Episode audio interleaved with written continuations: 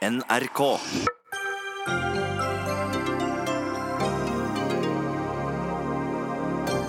Bare én av fem er i jobb etter et halvt år på arbeidsmarkedstiltak, ifølge TV 2.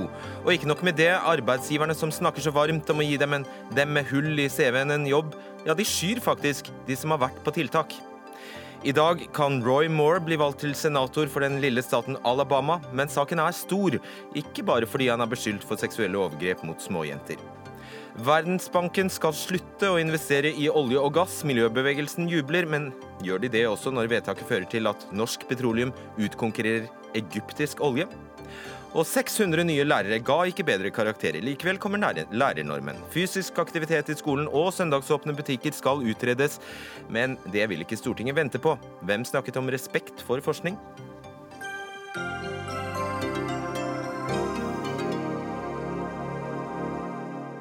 God kveld og vel møtt til Dagsnytt 18. Mitt navn er Fredrik Solvang. Én ting er alle politikere enige om. Det er viktig å få folk i arbeid. Men hva er den beste måten å få folk eh, som har falt utenfor arbeidslivet, tilbake i arbeid på? Over 100 000 mennesker går på arbeidstiltak fra Nav. Men eh, TV 2 kunne i går eh, fortelle at bare hver femte av dem som har avsluttet et tiltak i 2016, hadde fått jobb etter et halvt år. Steinar Figveg, du er reporter for TV 2 og er med oss fra studio i Stavanger. Eh, begynn først med starten her. Hvordan eh, begynte du å undersøke dette? Ja, altså for ett og et halvt år siden så eh, begynte Kenneth, kollega Kenneth Fossheim og meg å se litt nærmere på arbeidsledighet i dette landet. Vi ønsker å finne ut litt mer om disse menneskene som skjuler seg bak alle tallene, alle, all statistikken, eh, som den gang var høyere enn det den er i dag. Eh, vi eh, satte i gang et prosjekt, fikk rekruttert 550 eh, arbeidsledige, eller folk uten jobb, landet rundt. Eh, og fikk følge de nå over tid. Det som slo oss eh, i forbindelse med, med, dette, det var eh, at veldig veldig mange av disse her, de var eh, inn og ut eller i et tiltak eh, for Nav. Eh, men vi fikk ikke høre så veldig mye positivt om disse tiltakene. og det var tilsynelatende eh, ikke så mange som lykkes med å få en jobb eh, etter vært i et sånt eh, type tiltak. Så det Vi har gjort, vi har nå fått innsyn i veldig mye data fra Nav om, om all bruk, pengebruk i forbindelse med disse arbeidsmarkedstiltakene. Alle bedriftene som har gjort avtaler med Nav i forbindelse med arbeidstrening, arbeidspraksis. Og så, som vi viste, fortalte på TV 2 i går, så har vi da eh, gått gjennom eh, Nav sin egen statistikk, eh, som da skal måle eh, hvor godt en lykkes med disse arbeidsmarkedstiltakene. Eh, og det vi har gjort, det vi har sett på totalbildet. Eh, de som da avslutta et tiltak i 2016, og hvor var de da seks måneder etterpå. Og Det tallet vi, vi kom fram til da, brukte i går, det er at 21 eh, av de eh, som da avslutta et tiltak i, i, fjor, de er da eh, i arbeid og ute av Nav-systemet. altså De mottar ingen ytelser for Nav seks måneder senere. Og så er det, er det altså da, som dere sikkert vil få høre fra Nav, eh, de opererer nå med et annet tall, eh, og da tar man da med de som som da eh, har litt grann arbeid, men som fortsatt mottar ytelser. og ditt tall består da av? Mitt eh, tall består av alle de som ikke lenger eh, er inne i Nav-systemet eh, og ikke er registrert som arbeidssøkere, men som er, i, eh, som er i arbeid. De trenger ikke være i fulltidsarbeid, men de, de, er registrert med et arbeidsforhold. Ikke som ikke lenger får noen ytelse fra Nav, eller som ikke lenger er på noe tiltak fra Nav? Det stemmer. Ja. Ålreit, da regner jeg med at vi får høre det nå. Kjell Hugvik, du er direktør for arbeids- og tjenesteavdelingen i eh, Nav. Går det, god for dette, går, går du god for dette tallet, at én av fem etter et halvt år ikke er i, eh, i arbeid etter tiltak? Nei, som vi har forsøkt å forklare TV 2, så er det ikke sånn vi ser på statistikken. Og de har også slått sammen alle ulike tiltak, veldig mye ulike tiltakstyper, og regna en gjennomsnitt. Og for oss gir det, det lite mening, for at vi har noen tiltak som gir 70% overgang til arbeid, og noen tiltak som gir 30 eh, Det er litt at man bruker rett tiltak i forhold til rett person. Men hvis du ser på de store tallene, som Eh, og vi er opptatt av å få folk i jobb, og vi ser at tiltakene får folk i jobb. Og Våre tall viser det at eh, etter seks måneder etter et tiltak i Nav, så er 50% av de som er ordinære ledige, kan man si, er helt eller delvis i jobb. og 42% av de som er, har nedsatt arbeidsevne eller står lenger ifra arbeid, er tilbake i jobb. Står det nødvendigvis i motstrid til det Figved sier? Nei, Spørsmålet er jo hvilken uh, inngang man har. Ønsker man å prøve å finne ut hva som virker, hva som får folk tilbake til jobb, eller ønsker man på en måte å, å, å spisse dette på en annen måte? Vi er opptatt Nei, av å få folk vent, i jobb. Dette stopp, så, uh, vent. Står det i direkte motstrid til det, de tallene Figved presenterer? Det er et altså, ja eller nei-spørsmål. Ja, Hvis du bare ser på isolert sett helt i jobb uten noe videre oppfølging, men vi vet det og vår erfaring ifra det, at det tar tid å få folk i jobb. Mange av disse som er på tiltak i Nav, du, står langt ifra jobb ja, og du, trenger lang tid for å komme tilbake til jobb. Ja, det, det, at folk er kommet delvis i jobb, er en veldig positiv ting, og, og da er, er muligheten for å komme fulltid i jobb stor. Ja, men hjelp oss og ikke forvirre oss. Stemmer det som han sier, at det tallet én av fem får ikke lenger en ytelse eller er ikke på tiltak hos Nav etter seks måneder på tiltak. Stemmer det tallet? Ja, Hvis du kun regner på de som er helt i, ja, i jobb i forhold til mm. å slå sammen disse to tiltakstypene, men det er ikke den måten vi bruker statistikken på, for det gir ikke det rette bildet. Nei, men Det er nå en gang det TV 2 har gjort, da. Ok, ja. Figved. Eh, da, da, kan vi ta innvendingene til, eh, til Hugvik. og det er at dette, dette, er i beste fall et snittall som ikke forteller noe om beskaffenheten til de for, forskjellige tiltakene. Nei, det gjør ikke... Nei, det var ikke et spørsmål til deg. Det var til Figvik. Ja, altså Det Nav eh, gjør i denne sammenhengen og eh, i veldig mange andre sammenhenger, de har et eh, veldig tydelig skille mellom de som arbeidssøkere. altså Det er eh, primært de som, eh, som kommer ut fra en jobb, har mista en jobb, mottar dagpenger. De er arbeidssøkere formelt hos Nav. Og så har du Eh, en, eh, en, annen gruppe som er mye større enn disse, som ikke viser i den, eh, denne arbeidssøkerstatistikken, ledighetsstatistikken til Nav, som er de som har registrert med nedsatt arbeidsevne. Men som vi har vist i mange reportasjer, i, i veldig stor grad òg er arbeidssøkere som leter en jobb, ser på seg sjøl som arbeidsledige. Og eh, Nav må gjerne fortsette å, å, være veldig opptatt av at man skal skille mellom disse to gruppene. og det er klart at Dette bildet er veldig veldig sammensatt. men eh, når man skal snakke om det store bildet og totalen, så må det vel være lov å regne sammen eh, alle tiltaksplassene og se hvordan det har gått med alle. Så skal vi selvfølgelig, og det håper jeg at Hugvik ser på TV 2 i dagene som kommer, for vi skal selvfølgelig Det kommer selvfølgelig skal vise Vi skal forsøke å få fram litt eh, flere nyanser her, men, men eh, det store bildet så da blir vi litt overraska over at, at ikke flere kommer seg i jobb. Um, ja, vent, ja. vent. Høgvik, altså du poengterer ditt, store, ditt største poeng hvis jeg tolker deg rett, det er at uh, man må se på hvor mange som faktisk har kommet seg i yrkesaktivitet. Ja, og jeg tror at det, det er viktig. altså det Arbeidsmarkedstiltak er ikke en trylleformular, men det er et viktig bidrag i veien for mange, en vanskelig vei tilbake til jobb. Og, kan, og vi kan forsøke å bistå dem. Og Så er det om å få en god match da, mellom eh, arbeidstaker eller arbeidssøker og arbeidsgiver, og der prøver Nav å bistå. Men vi ser at uh, arbeidsmarkedstiltak har en moderat positiv virkning hvis vi bruker rett tiltak på rett person. Uh, og øker oppfølginga. Stemmer det tallet som står i statsbudsjettet, at Stortinget har bevilget i saldert budsjett 9,2 milliarder kroner til arbeidsmarkedstiltak. Da skulle man forvente mer en moderat effekt? Ja, og De har, de har virka bra i forhold til det vi ser nå. Hvis vi ser på, på utviklinga på arbeidsmarkedet siste år nå, så har ledigheten gått ned hver eneste måned. Eh, vi ser at vi har høy overgang. Vi har altså 70 overgang fra standard ledige. Vi har 42 eh, overgang til arbeid så langt i år fra folk med nedsatt arbeidsevne så langt ifra arbeidsmarkedet. Nav kan ikke ta hele æren for det, for det er et godt arbeidsmarked. Men vi forsøker å bistå, og da kan arbeidsmarkedstiltak være en viktig brikke. Men det er mange ting som skal på plass plass før en person kommer i jobb. Og En annen innvending eh, Figved, vet jeg, som, eh, som, Nav eh, har til måten dere har gjort dette på, er at dere har satt et fiksert punkt, nemlig seks måneder etter avsluttet tiltak. Og at tallene hadde sett bedre og annerledes ut dersom dere hadde valgt et senere tidspunkt.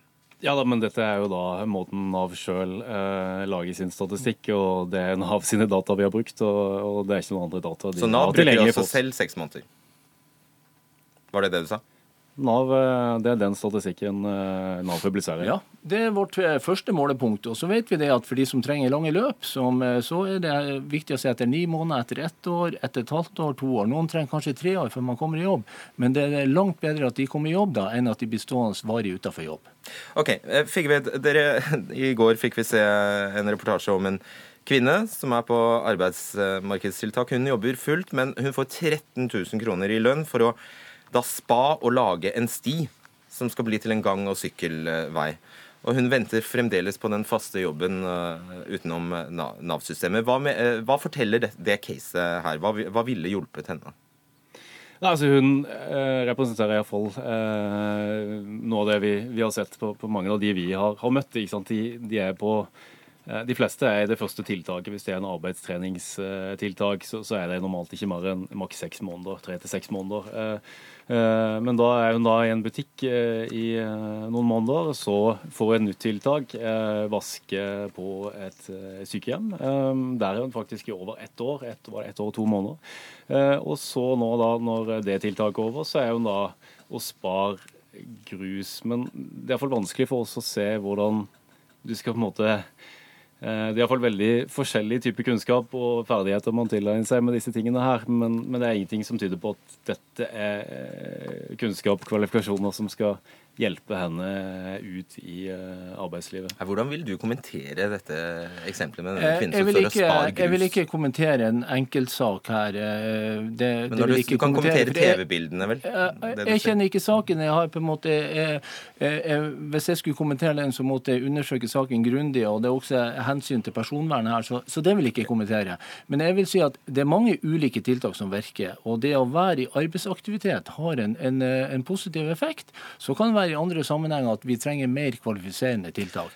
Men hva som er årsaken her til at personen ikke kommer i jobb, ja, det kan, det ikke jeg svare på. Det kan være ja, veldig mange ting. Ja. Du, eh, eh, Figved, dere påviser, eller dere antyder i hvert fall, at eh, det er også mulig å gå på tiltak fordi du har vært på tiltak, fordi du har vært på tiltak, fordi du har vært på tiltak?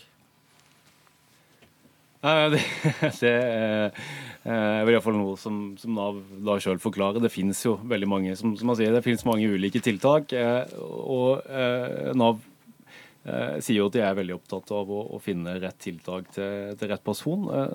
Det høres jo veldig bra ut, men noen ganger så kan man få følelse av at at eh, å få folk videre i et nytt tiltak uh, er viktigere enn enn kanskje å, å, få de ut i arbeidslivet. For da pynter man jo på statistikken, Hugvik. Ser det ut som vi har langt færre arbeidsledige enn det vi egentlig har? Eh, nei, nå kan det helt sikkert bli bedre, og det jobber vi med. Og vi ser også selv at, og påpeker det sjøl at det er et problem at, at, vi får dette som heter tiltakskjeding, at vi ikke klarer å treffe godt nok eh, verken på første eller andre forsøk. Og Derfor er vi også glad. Vi har jo med forsker her for at det forskes noe mye på det. Og vi har også egne kunnskapsoppsummeringer. og det, der der forsøker vi å bruke de for å forbedre tiltakene. Og vi ser at for de som står et stykke fra, fra arbeidsmarkedet, så er tiltak med høy grad av oppfølging, der det er tett oppfølging, enten fra Nav eller fra en dyktig tiltaksarrangør, så gir det bedre effekt. Så vi skrur tiltakene i den retninga, og vi er veldig glad for at regjeringa nå øker f.eks. egenregien i Nav, der vi får mer penger til sjøl å følge opp med god inkluderingskompetanse. Kort spørsmål med kort svar. Er det, er, er det grenser for hvor mange tiltak man kan gå på på rad? Ja, Man må jo vurdere det som er hensiktsmessig. Og, det, og, og, Grensen er at man må prøve ut arbeidsevnen. Og det er klart at det er etter hvert, Hvis det er større utfordringer, så, så går folk imot det å bli varig uføretrygda. Men vi forsøker å Men det er ingen formell grense? At etter Nei, altså, fem tiltak på rad, så Nei, gjør vi altså, noe annet? Vi må opptre på en skikkelig måte overfor brukeren, og brukeren må oppleve at dette er hensiktsmessig. Vårt mål er å få folk i jobb, og jeg syns det er verdt å prøve så lenge det finnes en mulighet for det. Ok, Det stemmer. Vi har en forsker med oss. Det er deg, eh, Christer Hyggen. Du er forsker ved Høgskolen i Oslo og Akershus, eh, heter det foreløpig. Eh, hva er det du har kommet fram til, egentlig? Nei, vi har forsøkt å snu det litt sånn ensidige fokuset på mangler hos de enkelte arbeidssøkerne. Og det litt sånn ensidige fokuset på innhold i og mangler ved arbeidsmarkedstiltakene og Nav. Vi har i et eh, større prosjekt, et større internasjonalt prosjekt eh, forsøkt å se på hva er det som foregår hos portvokterne i arbeidsmarkedet. Arbeidsgiverne. Hvordan eh, gjør de sine prosesser? Eh, hvordan ansetter de, og da i hovedsak unge? Unge med litt rufsete CV-er. Unge som har vært utenfor arbeidsmarkedet i kortere eller lengre tid, og eventuelt deltatt på arbeidstrening. Og i korte trekk, hva er det arbeidsgiverne gjør? Arbeidsgiverne straffer på mange måter unge som har vært på arbeidstrening. De vurderer unge arbeidssøkere som har deltatt på arbeidstrening, som mindre egna uh, søkere enn unge søkere, alt annet likt, som bare har vært ledige. Er det sant? I, i altså Den typen periode. tiltak Nav står for og tilrettelegger for, det, det medfører faktisk at du minsker mulighetene for å få deg en jobb? Denne undersøkelsen viser det. Vi sendte da 5000 fiktive søkere til eh, faktisk utlyste stillinger, og fikk dem vurdert av arbeidsgiverne. Eh, og de vurderer systematisk deltakere, eller tidligere deltakere på arbeidstrening som, eh, som mindre egna jobbsøkere. De som bare har gått ledige i samme periode. Hm. Inger Lise Blyverket, direktør for forhandlinger og arbeidslivspolitikk i Virke. Dere, er jo, eh, dere applauderer når Erna Solberg snakker om hvor viktig det er å ansette gi dem som har et hull i CV-en, en eh, sjanse. Dere, dere, din egen administrerende direktør har sagt slike ting som at arbeidsgivere som gir en sjanse til ungdom som står utenfor arbeidslivet, kan få en dyktig medarbeider med et helt unikt perspektiv. Så går dere altså hen og gjør det stikk motsatte i virkeligheten. Nei. Viser forskning? Nei, det er jo ikke det forskningen viser. Her er det jo tydelig at arbeidsgivere i en situasjon sier at de kunne tenke seg å, å preferere en eh, ung arbeidstaker, tydeligvis, da, men som ikke har, eh, kommer fra et uh, arbeidstreningstiltak. Det er jo like mye å, å, å, åpne døra det. Du kalte det for en portvokter. altså Vi må være klar at arbeidsgivere er faktisk døråpnere til arbeidslivet. Både for de som ikke ikke er i et eh, arbeidstreningstiltak, og de som er det. Eh, og vi har gjort mange undersøkelser på dette nettopp fordi at vi representerer bransjer og næringer som er gode på å inkludere personer som av ulike årsaker står utenfor arbeidslivet. Og det vi vet, og det vi ser, det er at arbeidsgivere som har en god og tett dialog med Nav, som har trening i og erfaring med å inkludere personer som kommer fra et arbeidsmarkedstiltak, de gjør det. De gjør det igjen, og de tilsetter dem også. Så det bildet er ganske mye mer nyansert enn akkurat det denne undersøkelsen utelukker, viser. Utelukker hennes historie din forskning? Nei, på ingen måte. Vi har vært opptatt av de mekanismene som foregår der. Hva er det som skjer i en ansettelsesprosess? Arbeidsgivere de skal på kort tid med ganske begrensa ressurser ta viktige beslutninger for eh, bedriften sin. Og, og, de tolker da CV-ene, eh, eller signaler fra CV-ene, ganske raskt. Det vi har gjort, er å simulere første del i en ansettelsesprosess, der de bare eh, screener CV-er raskt. Og da ser det ut som nettopp signaler som arbeidstrening er, eh, blir tolket eh, som negative sånne signaler eh, av arbeidsgivere. Og hva kan det, bare, Hvis vi bare forutsetter at forskningen holder vann her, da, hva kan det komme av? Det tror jeg faktisk er at uh, det er ikke sånn at uh, alt annet er likt mellom en som konkurrerer på det nære arbeidsmarkedet, og en som er på et uh, arbeidstreningstiltak. For de som er på et arbeidstreningstiltak, de er der av en grunn.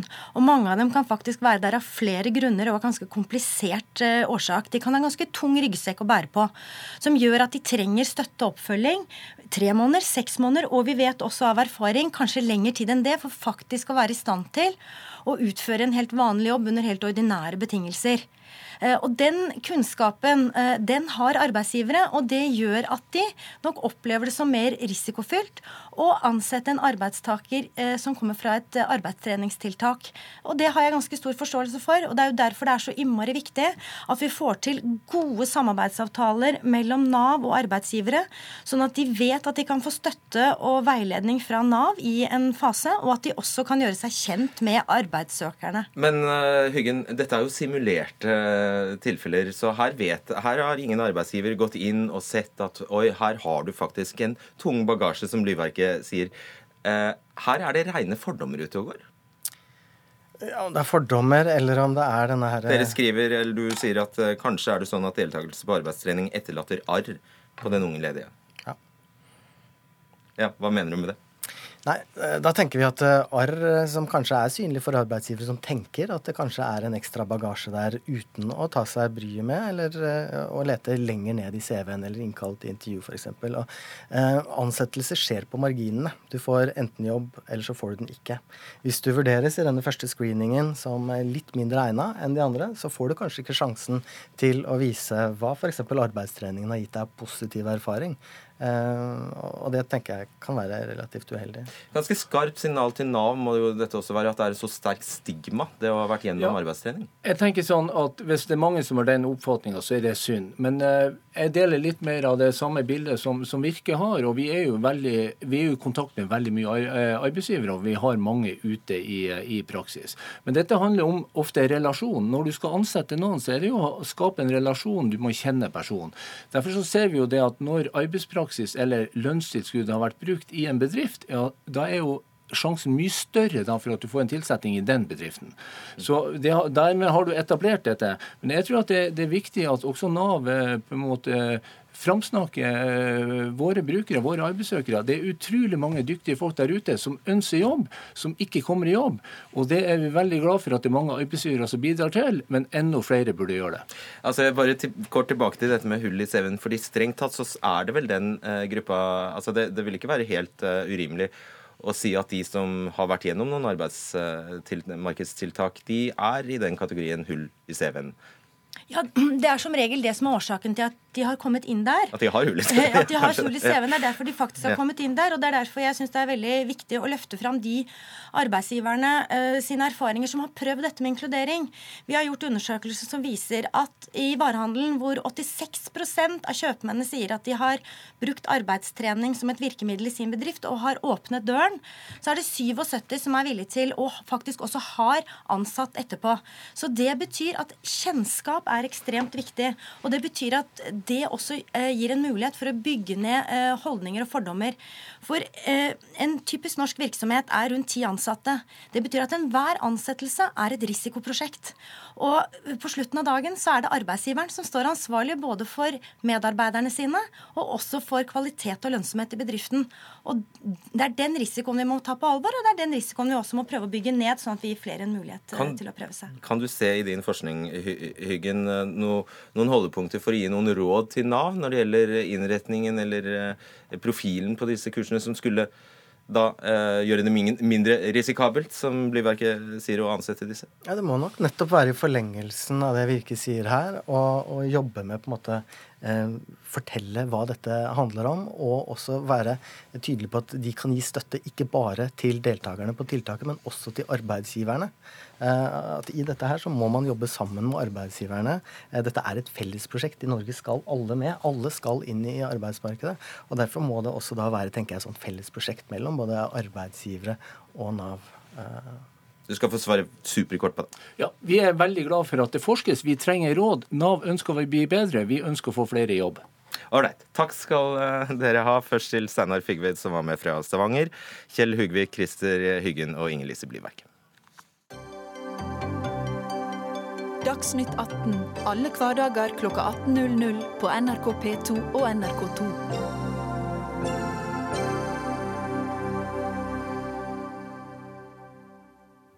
Så til amerikansk politikk. For i dag kan den kontroversielle kandidaten Roy Moore ligge an til å vinne senatorvalget i delstaten Alabama i USA. Dette til tross for at ni kvinner har anklaget ham for å ha antastet og hatt seksuelle forhold med dem da de var mindreårige. Roy Moore selv har hele tiden nektet for eh, at anklagene er eh, sanne, i litt forskjellige eh, grad og med litt forskjellig valør, kan man si. Tove Bjørgaas, USA-korrespondent med oss fra Galant i Alabama, der Roy Moore akkurat har avlagt sin stemme. Hvor sannsynlig er det at han vinner denne plassen? Det ville under alle normale omstendigheter være slik at han vinner, fordi republikanerne står veldig sterkt her i Alabama. Eh, her ute på landet som jeg er nå, hvor Roy Moore kommer fra, eh, så stemmer de fleste på republikanerne. Men det har også vært et vanvittig leven i denne valgkampen. Og den demokratiske kandidaten har fått veldig mye hjelp også fra Washington og fra rike donorer til å lage TV-reklame. Så det det er fortsatt eh, spennende. Ja, og dette er jo bare et suppleringsvalg. Likevel får jo denne saken som du sier, enorm oppmerksomhet. Årsaken til det er det er jo selvfølgelig disse anklagene som kvinner har kommet med mot Roy Moore, om at han skulle ha hatt forhold til dem og omtastet dem seksuelt da de var mellom 14 og 16 år gamle.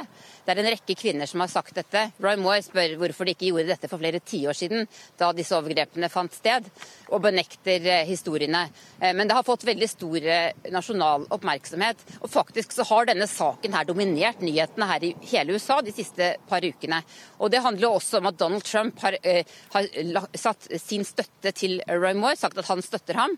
Eh, og så vet vi hva som skjedde i går med disse kvinnene som anklaget Trump for overgrep. Så eh, det store spørsmålet her er egentlig dersom Roy Moore blir valgt, betyr det da at en politiker som har forgrepet seg mot barn, kan bli senator i USA?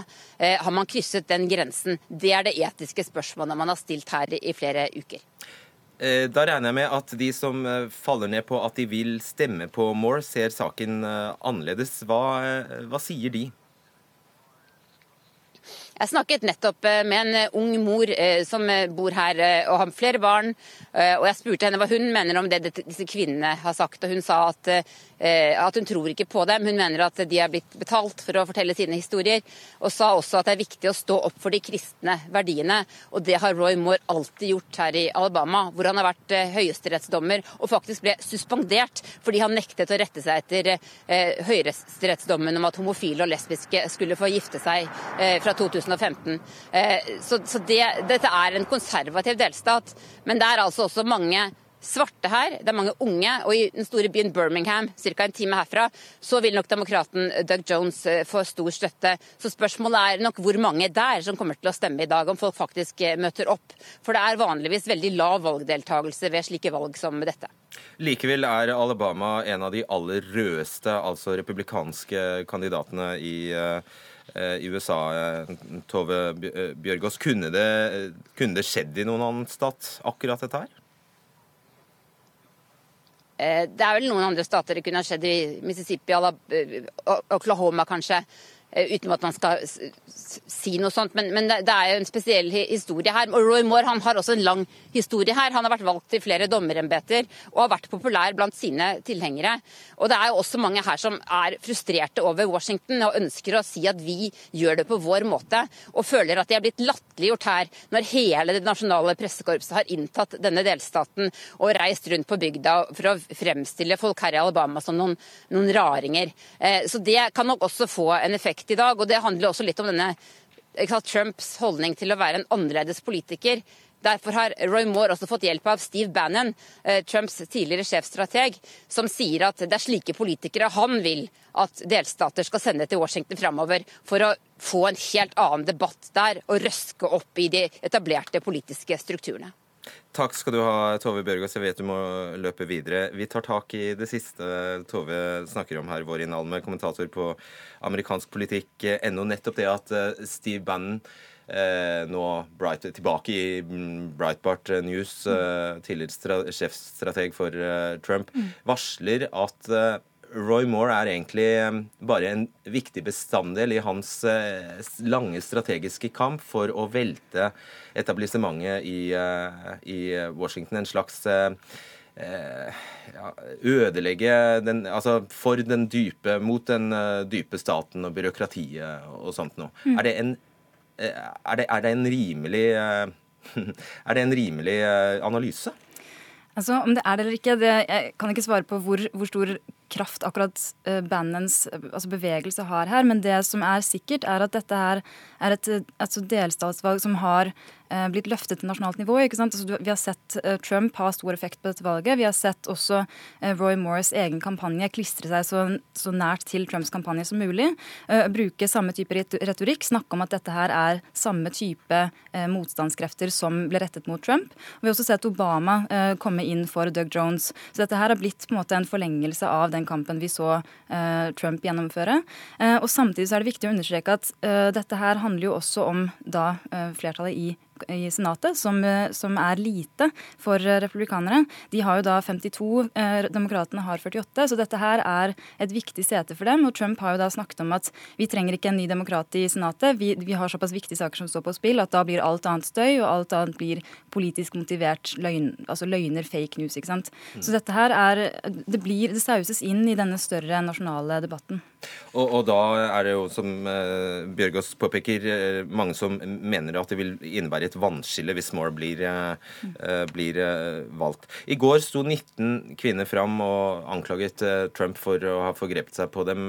Det samme skjedde, skjedde også før presidentvalget i fjor, som vi husker. Hvorfor skjer det igjen nå? Eh, hvorfor de gjentar dette her?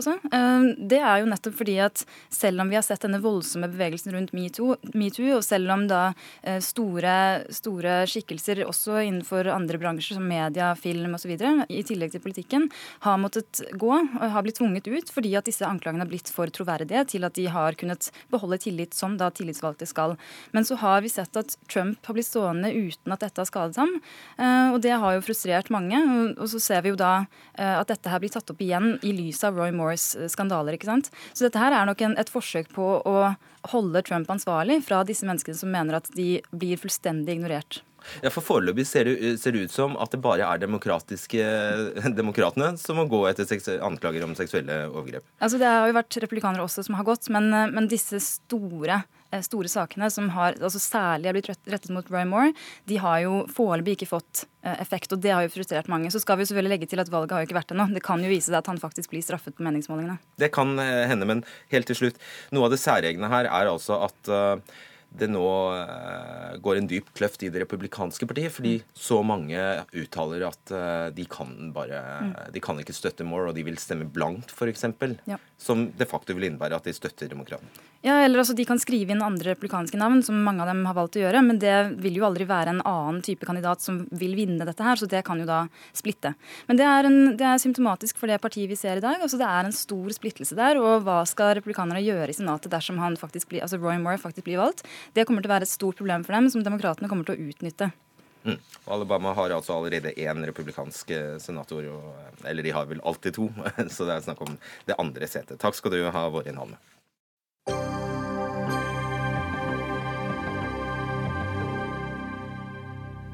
I dag har Verdensbanken bestemt at de skal slutte å finansiere olje- og gassprosjekter i utviklingsland etter 2019.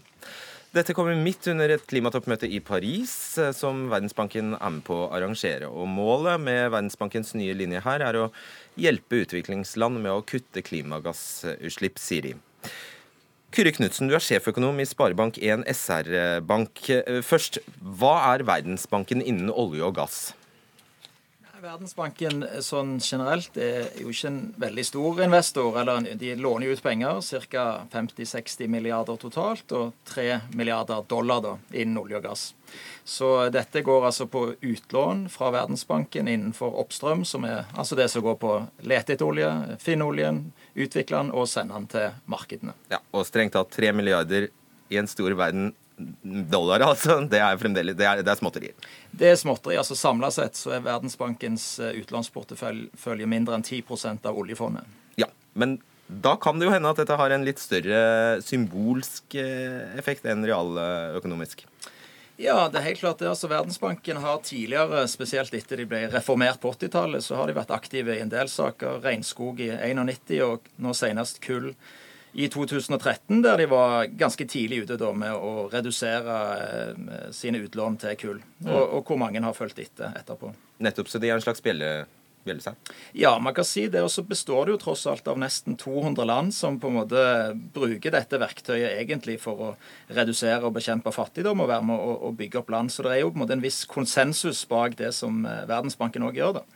Ja, for det er ikke sikkert at eh, alle har, eh, er helt klar over hva Verdensbanken egentlig driver med. Dette er ikke en bank som finansierer prosjekter i Norge, i hvert fall. Hvilke land er det som får finansiert olje- og gassprosjekter av Verdensbanken? Hvis du kan bare ta topp ti-lista eller topp fem-lista her? Det er typisk faktisk Russland er et av de landene som, som mottar mest. Og så er det jo Nå har ikke listen akkurat for meg, men det, oh, ja, Jeg har den, jeg. Det er Pakistan, si det. Egypt, India, Irak, Brasil, Bangladesh, Ghana, Nigeria. Omtrent sånn.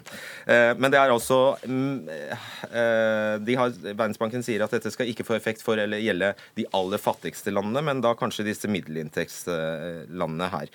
Eh, og da sa du summen var 3 milliarder i investeringer på de landene der. Ja, det stemmer. Eh, hva betyr eh, hva, Så hvilke indirekte konsekvenser kan det få, da? Det er klart at det som Verdensbanken har gjort som veldig interessant, at de, de prøver jo å, å brøyte vei og, og, få med andre investorer, altså private investorer. Og Sånn sett så blir det jo på en måte en, en, en bjellesau for mange andre private investorer òg. Så hvis flere eh, eh, privatinvestorer, eller for så vidt offentlige fond, som oljefondet og andre, eh, følger den samme linjen, så vil jo det redusere kapitaltilgangen til olje og gass. Mm. Um, så, så, det er absolutt interessant. Det, det er òg noe interessant med selve oppsettet. De får veldig mye oppmerksomhet på akkurat det forslaget. Og så er det et par andre forslag lenger nede som jeg syns er mye mer interessante og mye bedre, men som dessverre får lite oppmerksomhet. Ta det ene. Jeg vet at det handler om karbonpris. Ja, altså det med aller helst skulle hatt, er rett og slett en pris på hvor mye det koster å slippe ut CO2. Og Den skulle gjelde for alt og alle. Eh, da ville det vært sånn at man betaler for utslipp, og man ville fått insentiver til å redusere utslippene. Ja, og Nå sier Verdensbanken at de vil bake inn en stipulert karbonpris i vurderingen når de skal vurdere nye prosjekter. Ja, og det som er litt spesielt med det, eller interessant, er jo det at det kan jo andre Hvis dette fungerer og de får implementert det godt, så kan jo andre aktører òg legge seg på omtrent samme listen. Men det betyr altså at uh, egyptiske prosjekter blir dyrere? Eh, ja, det altså i uh, Nå er ikke helt hva forslaget du snakket om, men du kan si at hvis vi får ja, altså Hvis man baker inn en, en karbon, karbonpris eh, som kommer på toppen av dagens kostnader, så, ja, det, så, blir det dyrere å utvinne der, rett og slett. Investeringene blir dyrere. Eh, eh, det er klart. Innenfor eh, olje og gass så vil det, i hvert fall for noen no, produksjon noen steder, så vil det nok være det. I Norge så har vi jo allerede en, en CO2-pris mm. på olje og gass. Den vil nok bli noe høyere. Men poenget mitt er bare at da kan du sammenligne mellom sektorer.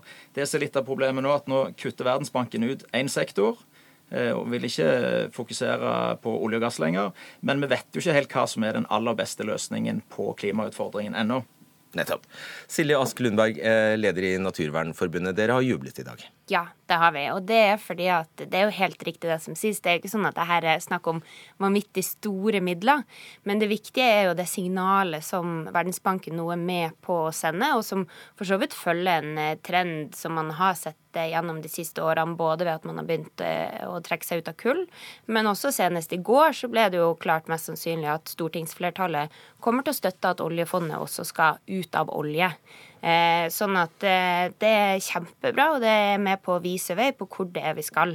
Så, Så det, det, er, kjempebra at noen av eh, de landene i verden som har langt mindre enn oss, ikke skal få benytte seg av sine naturressurser. Noe som er utfordringa her, sant, er jo at vi skal fortsette å lete etter mer olje og gass. Og når vi allerede vet at vi har funnet for mye, så kan vi ikke drive og lete etter mer. Og så er jo det andre problemet er jo at det virker som at vi en av de løsningene, enten det har vært gjennom Verdensbanken eller det er gjennom sånn som Olje for utvikling, er jo at vi skal bistå de her landene med å, å finne det samme type eh, eh stoffet som vi har drevet og, og, og og ja, tjent oss rik på. Men det som vi trenger, er jo at man nå har en overgang som gjør at vi også kan hoppe over den fossile tidsalderen, sånn at man kan få flere av de her landene som kan hoppe over den olje og gassen og heller komme rett på fornybar. Og der ser vi også at desentraliserte løsninger innenfor fornybar energi spiller en større og større rolle. Sånn at det er, er kjempebra. Og så har jo også Verdensbanken andre punkt òg som de ønsker å gjøre, nemlig at de også ønsker å trappe opp de finansieringene som er nettopp til fornybar energi. Og det er der vi må legge oss. Karl Eirik Skjøtt Pedersen, administrerende direktør i Norsk olje og gass. Er dette gode nyheter isolert sett for eh, ja, norsk petroleumssektor? Ja, Den gode nyheten er jo at Verdensbanken da vil finansiere mer fornybar energi. Det er det veldig behov for. Og um, der er det problemet med å få til den nødvendige finansieringa. Oljenæringa i Norge og i de aller fleste vestlige landene er jo slik at eh, det er en veldig lønnsom virksomhet. Har ingen problemer med å få finansiert uh, sine utbyggere gjennom kapitalmarkedet. Mens en del fornybar energi kan komme til å ha det, og vi er helt avhengig av at vi bygger ut mye fornybar energi framover. Så isolert sett så er det er bra. Så vet vi at selv om vi ser en veldig sterk utbygging i fornybar energi, så kommer verden til å være helt avhengig av en betydelig andel, altså rundt en tredjedel av verdens energi, må komme fra olje og gass både i 2050 og i 2060.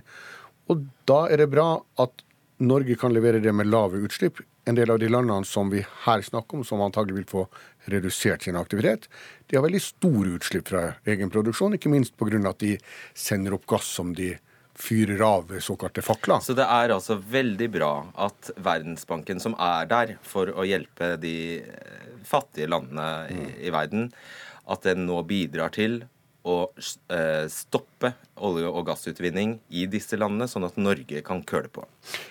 Det er bra at de finansierer fornybar, fornybare prosjekter. men, men, men, men, jo, men du sa det egentlig selv. Bare... Jo, men, la meg si det sånn. Det er bra at de finansierer fornybar energi. I mange av disse landene så er det jo dessverre ikke slik som i Norge, at inntektene fra oljevirksomheten går til Ola og Kari og bidrar til utjevning. Går heller ikke til utvikling av bistand, sånn som den gjør i Norge. Det er nok dessverre slik at det er et lite rikt mindretall som beriker seg på de ressursene i mange av disse landene. Men det viktigste er jo at i mange av de landene som vi her snakker om, så har man veldig store utslipp knytta til eh, oljevirksomheten. Norge ligger blant de som har lavest utslipp. Og når vi nå ser at eh, etterspørselen etter olje nok kommer til å være noe lavere enn det vi har i dag, så er det viktig at det er de landene som produserer billigst, og som produserer med minst utslipp, som leverer den oljen. Derfor er det riktig at Norge gjør det. Det er derfor jeg lurer på om ikke dette er en pyroseier, eh, Lundberg. Fordi eh, du, eh, Norge kan fortsette som før. Vi er, trenger ikke Verdensbanken, vi. Nei, det gjør vi ikke. Men samtidig så sender jo det her et ganske kraftig signal. Og det mener jeg også at norske myndigheter at det er på tide man også begynner å, å se på de signalene som kommer internasjonalt. Både med pensjonsfond som selger seg ut, eh, men også da nå med, med, med denne nyheten fra Verdensbanken om at her er det Det er ikke vi burde ikke legge alle eggene våre i denne kurven, og det fortsetter vi jo med. Og det er jo sånn I dag så er jo nyheten kommet fra Norsk olje og gass om at investeringen på norsk sokkel ligger an til å bli lavere i årene som kommer. Og da istedenfor at svaret da er OK, men da kan vi begynne nå eh, omlegginga, at vi kan begynne å se på hvordan vi kan få en en reell omlegging av norsk petroleumsvirksomhet som er planlagt, som ikke er så brutal som når 50 000 mista Jeg vil pense deg på Verdensbanken igjen. Ja, ja, ja. Du, skal, du, skal, få et spørsmål med på vegne Skjøtt Pedersen.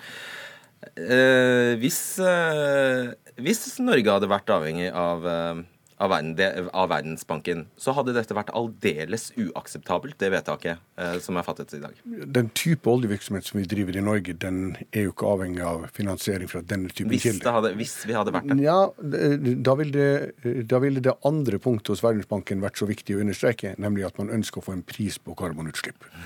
Det mener norsk oljenæring og europeisk oljenæring at man absolutt bør. Vi bør få en betydelig økning i prisen på utslipp.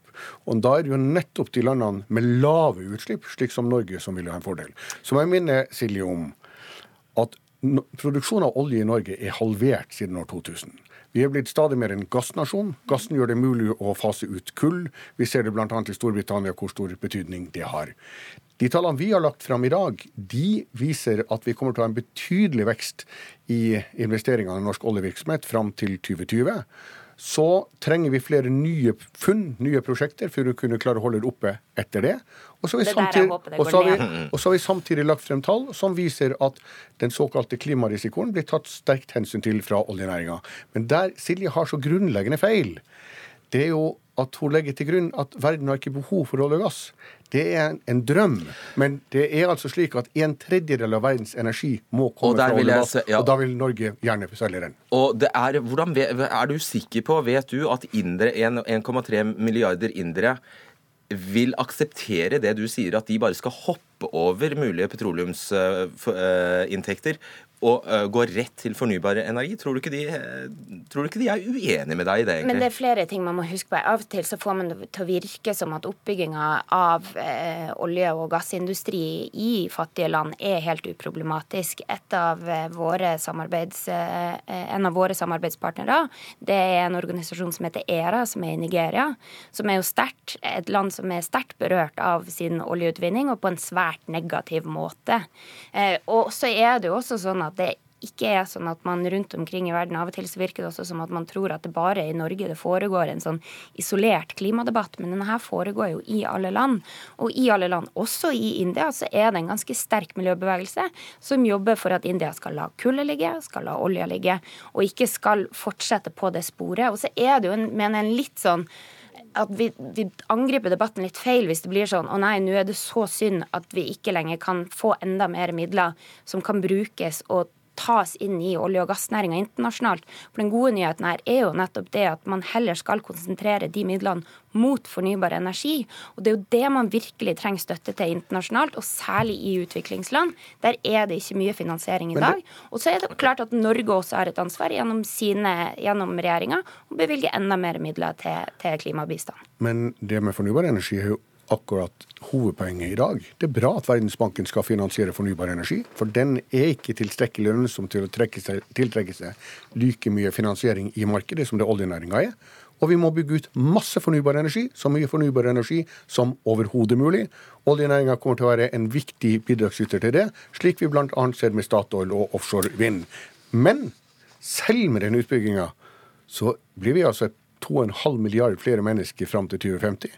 Disse menneskene skal ha energi. Men den energien gjør, kan gjør, ikke være forurensende. For hvis vi skal nå målene det, i Parisavtalen, så er vi nødt til å ta høyde. Hvis jeg får lov til å avslutte, så er vi jo avhengig av nok energi til menneskene. Det er fullt mulig å nå målene fra Paris, samtidig som vi leverer en tredjedel av verdens energi fra Den debatten har vi annenhver dag her. Ja, vi, takk skal En bra debatt, ja. ja da. Silje Ask Lundberg og eh, Karl Eirik Skjøtt Pedersen, også takk til deg, Kyrre Knutsen.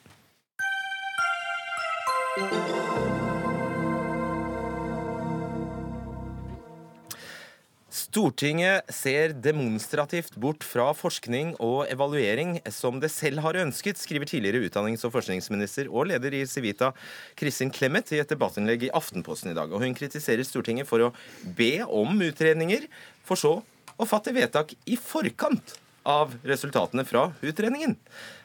I stedet for Kristin Clemet har vi deg her, Håkon Riklet, samfunnsøkonom i Civita. Gi, gi, oss de konkrete eksemplene på dette. Det, det, mest aktuelle eksempelet er jo innføring av en lærernorm. Eh, som, eh, det har man jo forsket mye på før og funnet at ikke har noen effekt. Eh, nå hadde man et Hvilken type effekt snakker du om? da? Noen effekt på, på lærerutbytte. og Man har også sett på langtidseffekter. Man har sett på studier som har sett på alle skoleelever i ungdoms- og barnetrinnet fra 1978 til 2003. Man heller ingen langtidseffekter. Nei, for det er jo feil at det ikke har noen effekt. Vel, det har ikke noen effekt på det man ønsker å oppnå med hvis det er bedre resultater eh, eller trivsel eller mange målbare ting det ikke har noen effekt på. Eh, eh, og så hadde man også et pågående forskningsprosjekt som leverte sine resultater eh, i dag, bare noen uker etter at det ble besluttet at man skulle innføre lærernorm. Gitt at det prosjektet er ganske relevant for den beslutningen, så kunne man jo ventet noen uker før man vedtok lærernorm. To andre saker er vedtak om at man skal ha én times fysisk aktivitet hver dag i skolen. Det foregår et prosjekt i regi av Helse- og omsorgsdepartementet og Kunnskapsdepartementet hvor man ser på to forskjellige modeller for å øke aktiviteten til skoleelever. Man vet ikke engang om den modellen modellen som, som, er den veldig rigide modellen som man har valgt på Stortinget, faktisk er den som har gitt best effekt, og man heller ikke utreder hvilke negative konsekvenser den har. En annen sak skal, bare, skal, skal, den utredningen se på om det høyst, om det er veldig skadelig å ha en time fysisk aktivitet? Nei, det, det, den skal se på to forskjellige måter og man kan prøve å øke aktiviteten Akkurat. blant mm. elever, og hva som fungerer best. Eh, og så er jo selvfølgelig også, selv om de finner at den modellen de har valgt i Stortinget, er, eh, virker isolert godt til å, til å øke fysisk aktivitet, så burde man også eh, burde man, følge, man, burde også utrede og se hvilke konsekvenser har det for læring i andre fag, for skolen, for eh, eh, lærernes evne til å selv kunne planlegge sin hverdag. Det er mange konsekvenser utover bare det man prøver å oppnå. Siste eksempelet.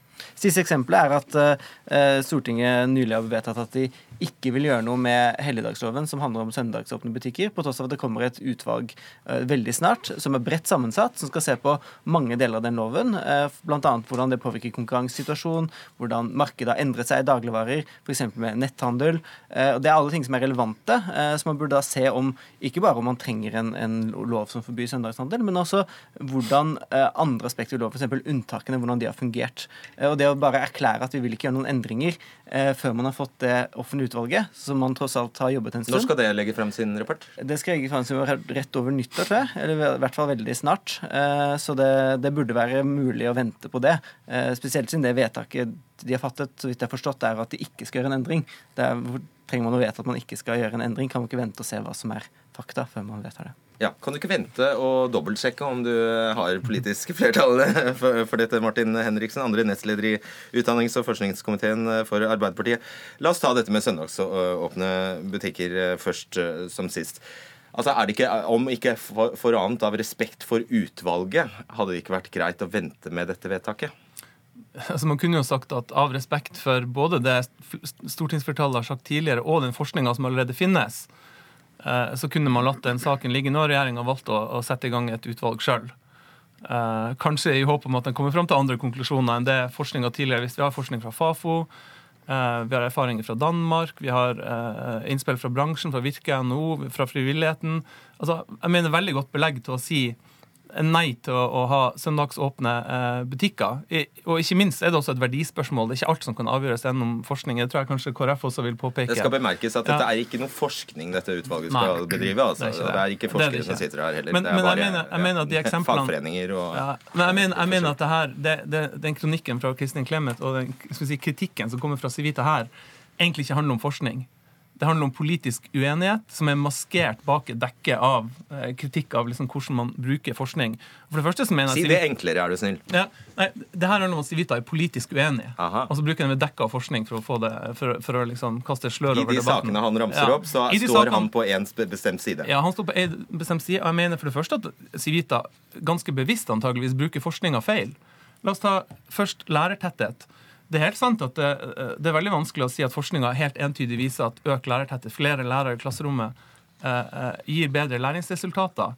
Men det den viser, det er at hvis du bruker økt lærertetthet, flere lærere riktig, så kan det gi gode effekter. Det har vi ganske mye forskning på. Eh, og den SSB-rapporten som kom i dag, er med et veldig godt eksempel på hvordan man bruker forskning selektivt. Da var alle medieoppslagene at det ikke visste noe effekt på eksamensresultater. Og det er for så vidt riktig. Det var ikke noe store utslag på eksamensresultater, men det visste mange andre ting at den økte lærertettheten på ungdomsskolen hadde gitt lavere sykefravær, bedre læringsmiljø for elevene, mindre bruk av spesialundervisning og mange andre positive effekter, som var en kvalitativ okay. studie. Og det mener jeg er liksom, Når de da trekker frem akkurat de her sakene her, at det er egentlig politisk uenighet eh, som Civita eh, eh, drar fram her. Det skal du få svar på, Som egentlig ikke tar debatten reelt i åpent lende. Det skal du få svar på. Altså, jeg kan være helt enig med at jeg er politisk uenig i disse sakene, men, men, det er likevel eh, relevant å se på forskningen før man fatter beslutningen. Mm -hmm. uh, først til det du sa om, eh, om lærertetthet. Den rapporten som kom i dag, den viste ikke at det ble lavere uh, sykefravær. Det var rapportert selv av, av mm. uh, skolene, fordi lærerne og rektorene var fornøyd med å få en, en bedre arbeidshverdag. Men spørsmålet er om, om, det er en riktig prioritering, og da bør man se hvilken effekt det har. Om man har hatt langtidsstudier som ikke har vist noen effekt, også på langtidsresultater. Og så så til det med, med utvalget om uh, helligdagslov. Uh, det er ikke bare et spørsmål om ja eller nei til helligdagslov. Det er også et spørsmål om hvordan har unntakene fungert. Uh, hvordan påvirker dette konkurransesituasjonen? Og det å snakke om erfaring fra andre land, det er ett av punktene til mandatet. Så hvorfor trenger dere å Du lister opp alle argumentene du har. du sier det ikke er forskere. Det er flere forskere i utvalget også okay. som har fagbakgrunn. hvorfor ikke vente på du, får, du, vil få bedre informasjon om hvordan det fungerte i andre land. Du vil få bedre informasjon om hvordan unntakene i loven har fungert. Hvis du får svar på det, så blir det mindre tid til de andre. vet du. Det, det høflig. Hans Fredrik Grøvan, utdanningspolitisk talsperson i eh, KrF. Dere er jo denne, eh, dere er jo denne lærernormens eh, far og, far og mor. Ehm, du har sikkert lest SSB-resultatene fra i dag. 600 nye lærere ga altså ikke noe utslag på, på læringsutbyttet eller karakterene. Hva er da det fremste argumentet for flere lærere? Innføring av lærernorm eh, gir først og fremst en forsterka innsats de første eh, årene når barna begynner i skolen i første klasse. Det er en hovedbegrunnelse for at vi ønsker innføring av en lærernorm. Forsterket innsats? En forsterket innsats Som skal resultere i hva? Eh, som resulterer i bedre oppfølging av den enkelte elev. Større grad av trygghet i forhold til den rollen som eleven har når han begynner på skolen. Bedre oppfølging kunnskapsmessig. Eh, mindre behov for spesialundervisning, og alt dette ser vi. Ikke eh, bedre læring, altså. Jo, og bedre læring. Altså mer kunnskap, eh, bedre kunnskap. Det å kunne ta ut Men forskningen viser at det ikke gir bedre kunnskap. Nei, altså pro problemet her er jo at dette er gjort på ungdomstrinnet. Hadde disse hatt tidlig innsats fra første året de begynte på skolen, en lærernorm som fulgte de hele veien. Og her har vi veldig interessante undersøkelser fra USA, fra OECD, som forteller at langtidseffekten av tidlig innsats, altså færre elever per lærer, det gir også læringseffekt. Så har jeg lyst til å føye til at en elev er mye mer enn bare kunnskap og resultater i norsk, engelsk og matematikk. Hvis vi ser på barn i dag, større psykiske problemer, mer isolasjon, mer ensomhet, mobbing har ikke gått ned de siste 15 årene. Vi trenger en skole som tar vare på hele eleven. Det bidrar lærernormen til. Men som Martin sier La, meg stille deg et preller det helt av deg, av deg, all kritikk som går, eh, går på dette mønsteret at dere egentlig ignorerer forskning eller utredninger så lenge, er, eh, så lenge det ikke er politisk opportunt? Nei, absolutt ikke. Forskning er interessant, og jeg har lest med stor interesse det som er lagt fram i dag. Og jeg tror at lærernorm i seg sjøl ikke gir en endra skole og mer tilpassa opplæring, men det handler om at læreren tar det handlingsrommet i bruk for å lære seg undervisningsmetoder for å kunne gi mer tilpassa opplæring.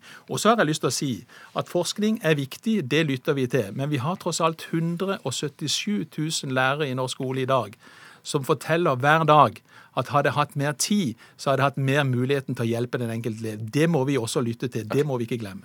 Vi har en fjerde kvinne her. Eh, Nina Kristiansen, du er redaktør i forskning.no. Dette er jo bare tre nylige eh, eksempler, men eh, du mener at dette er et mønster? Som strekker seg langt tilbake. Jeg skrev en artikkel om det i fjor. altså Alle måtene politikere bruker og misbruker forskning. Og den er veldig populær, den artikkelen, så jeg lurer på om han bruker som en bruksanvisning noen ganger. det er, eh, Her hører vi jo mange mange referanser til forskning. Eh, og det er tydelig at det, man, politikere trenger i dag forskning for å underbygge eh, de vedtak og de eh, meningene man har. Samtidig så driver man jo litt plukking, da. ikke sant? Man plukker litt her og man plukker litt der. Man overser den forskninga man ikke liker. Man sier f.eks. Eh, at eh, ja, vi har forskning, men så hør på enkeltpersonene. De snakker jo, Da overser man all forskning på ett Eh, Anekdotisk. Ja, man kan villtolke. Eh, man kan ta ut små eksempler og gjøre dem veldig store. Eller man kan til og med prøve å styre forskningen, som, har, som er liksom den ytterste uh, feilen Som at Havforskningsinstituttet skal være næringsvennlig? Som at Havforskningsinstituttet skulle være næringsvennlige. Og det er massevis av eksempler. Jeg tror det at det er blitt mer vanlig fordi Eh, man kan ikke overse forskning lenger. Men forskning er så langsom. Og disse her har så dårlig tid og vil tenker korte valgperioder og vil please velgerne sine. Tror du det er noe partipolitisk mønster her? Er noen verre enn andre, tror du? Eh, jeg tror Vi har hatt noen skikkelig stygge overtramp fra Fremskrittspartiet med Sylvi Listhaug og Per Sandberg. Ja, Det er litt kinkig siden de ikke er til stede. Som de ikke er til stede, men, men ikke sant? det har vært debattert og de har vært omtalt i mediene. og Det gjelder den ene flyktningrapporten til Fafo, og det gjelder, som du sa, Per Sandberg og Havforskningsinstituttet. Men eller så tror jeg det er jevnt spredd utover. Ok, Jeg får bare beklage overfor uh, Fremskrittspartiet. Dere skal, skal, få svare en annen gang. Ok, uh, Henriksen, dette ser du også at dere har dårlig tid, men trenger i stadig større grad eh, ja, faktisk eh, empiri for å belegge mm. standpunkter og, og, og eh, vedtak. Mm. Jeg mener jo Forskning har blitt mye viktigere. Det å ha forskningsbelegg for det man ønsker å gjøre, har blitt mye viktigere i den politiske debatten enn det var eh, før. Da er det viktig at man ikke si, håndplukker ut enkeltresultater uh, bare for å støtte sin egen sak, men ser på hele bildet av forskning. Det er det jeg mener er viktig bl.a. på lærertetthet. Jeg mener Civita og Høyre går i den ene grøfta. Uh, uh, og ikke velger å se på de resultatene som viser at f.eks. gjort på riktig måte, at det kan gi økt læring for elevene. Det er jo mye forskning, eller det er jo flere forskningsrapporter som, som viser. men så mener jeg også at vi skal også være klar over det, hva som er begrensninga til forskninga.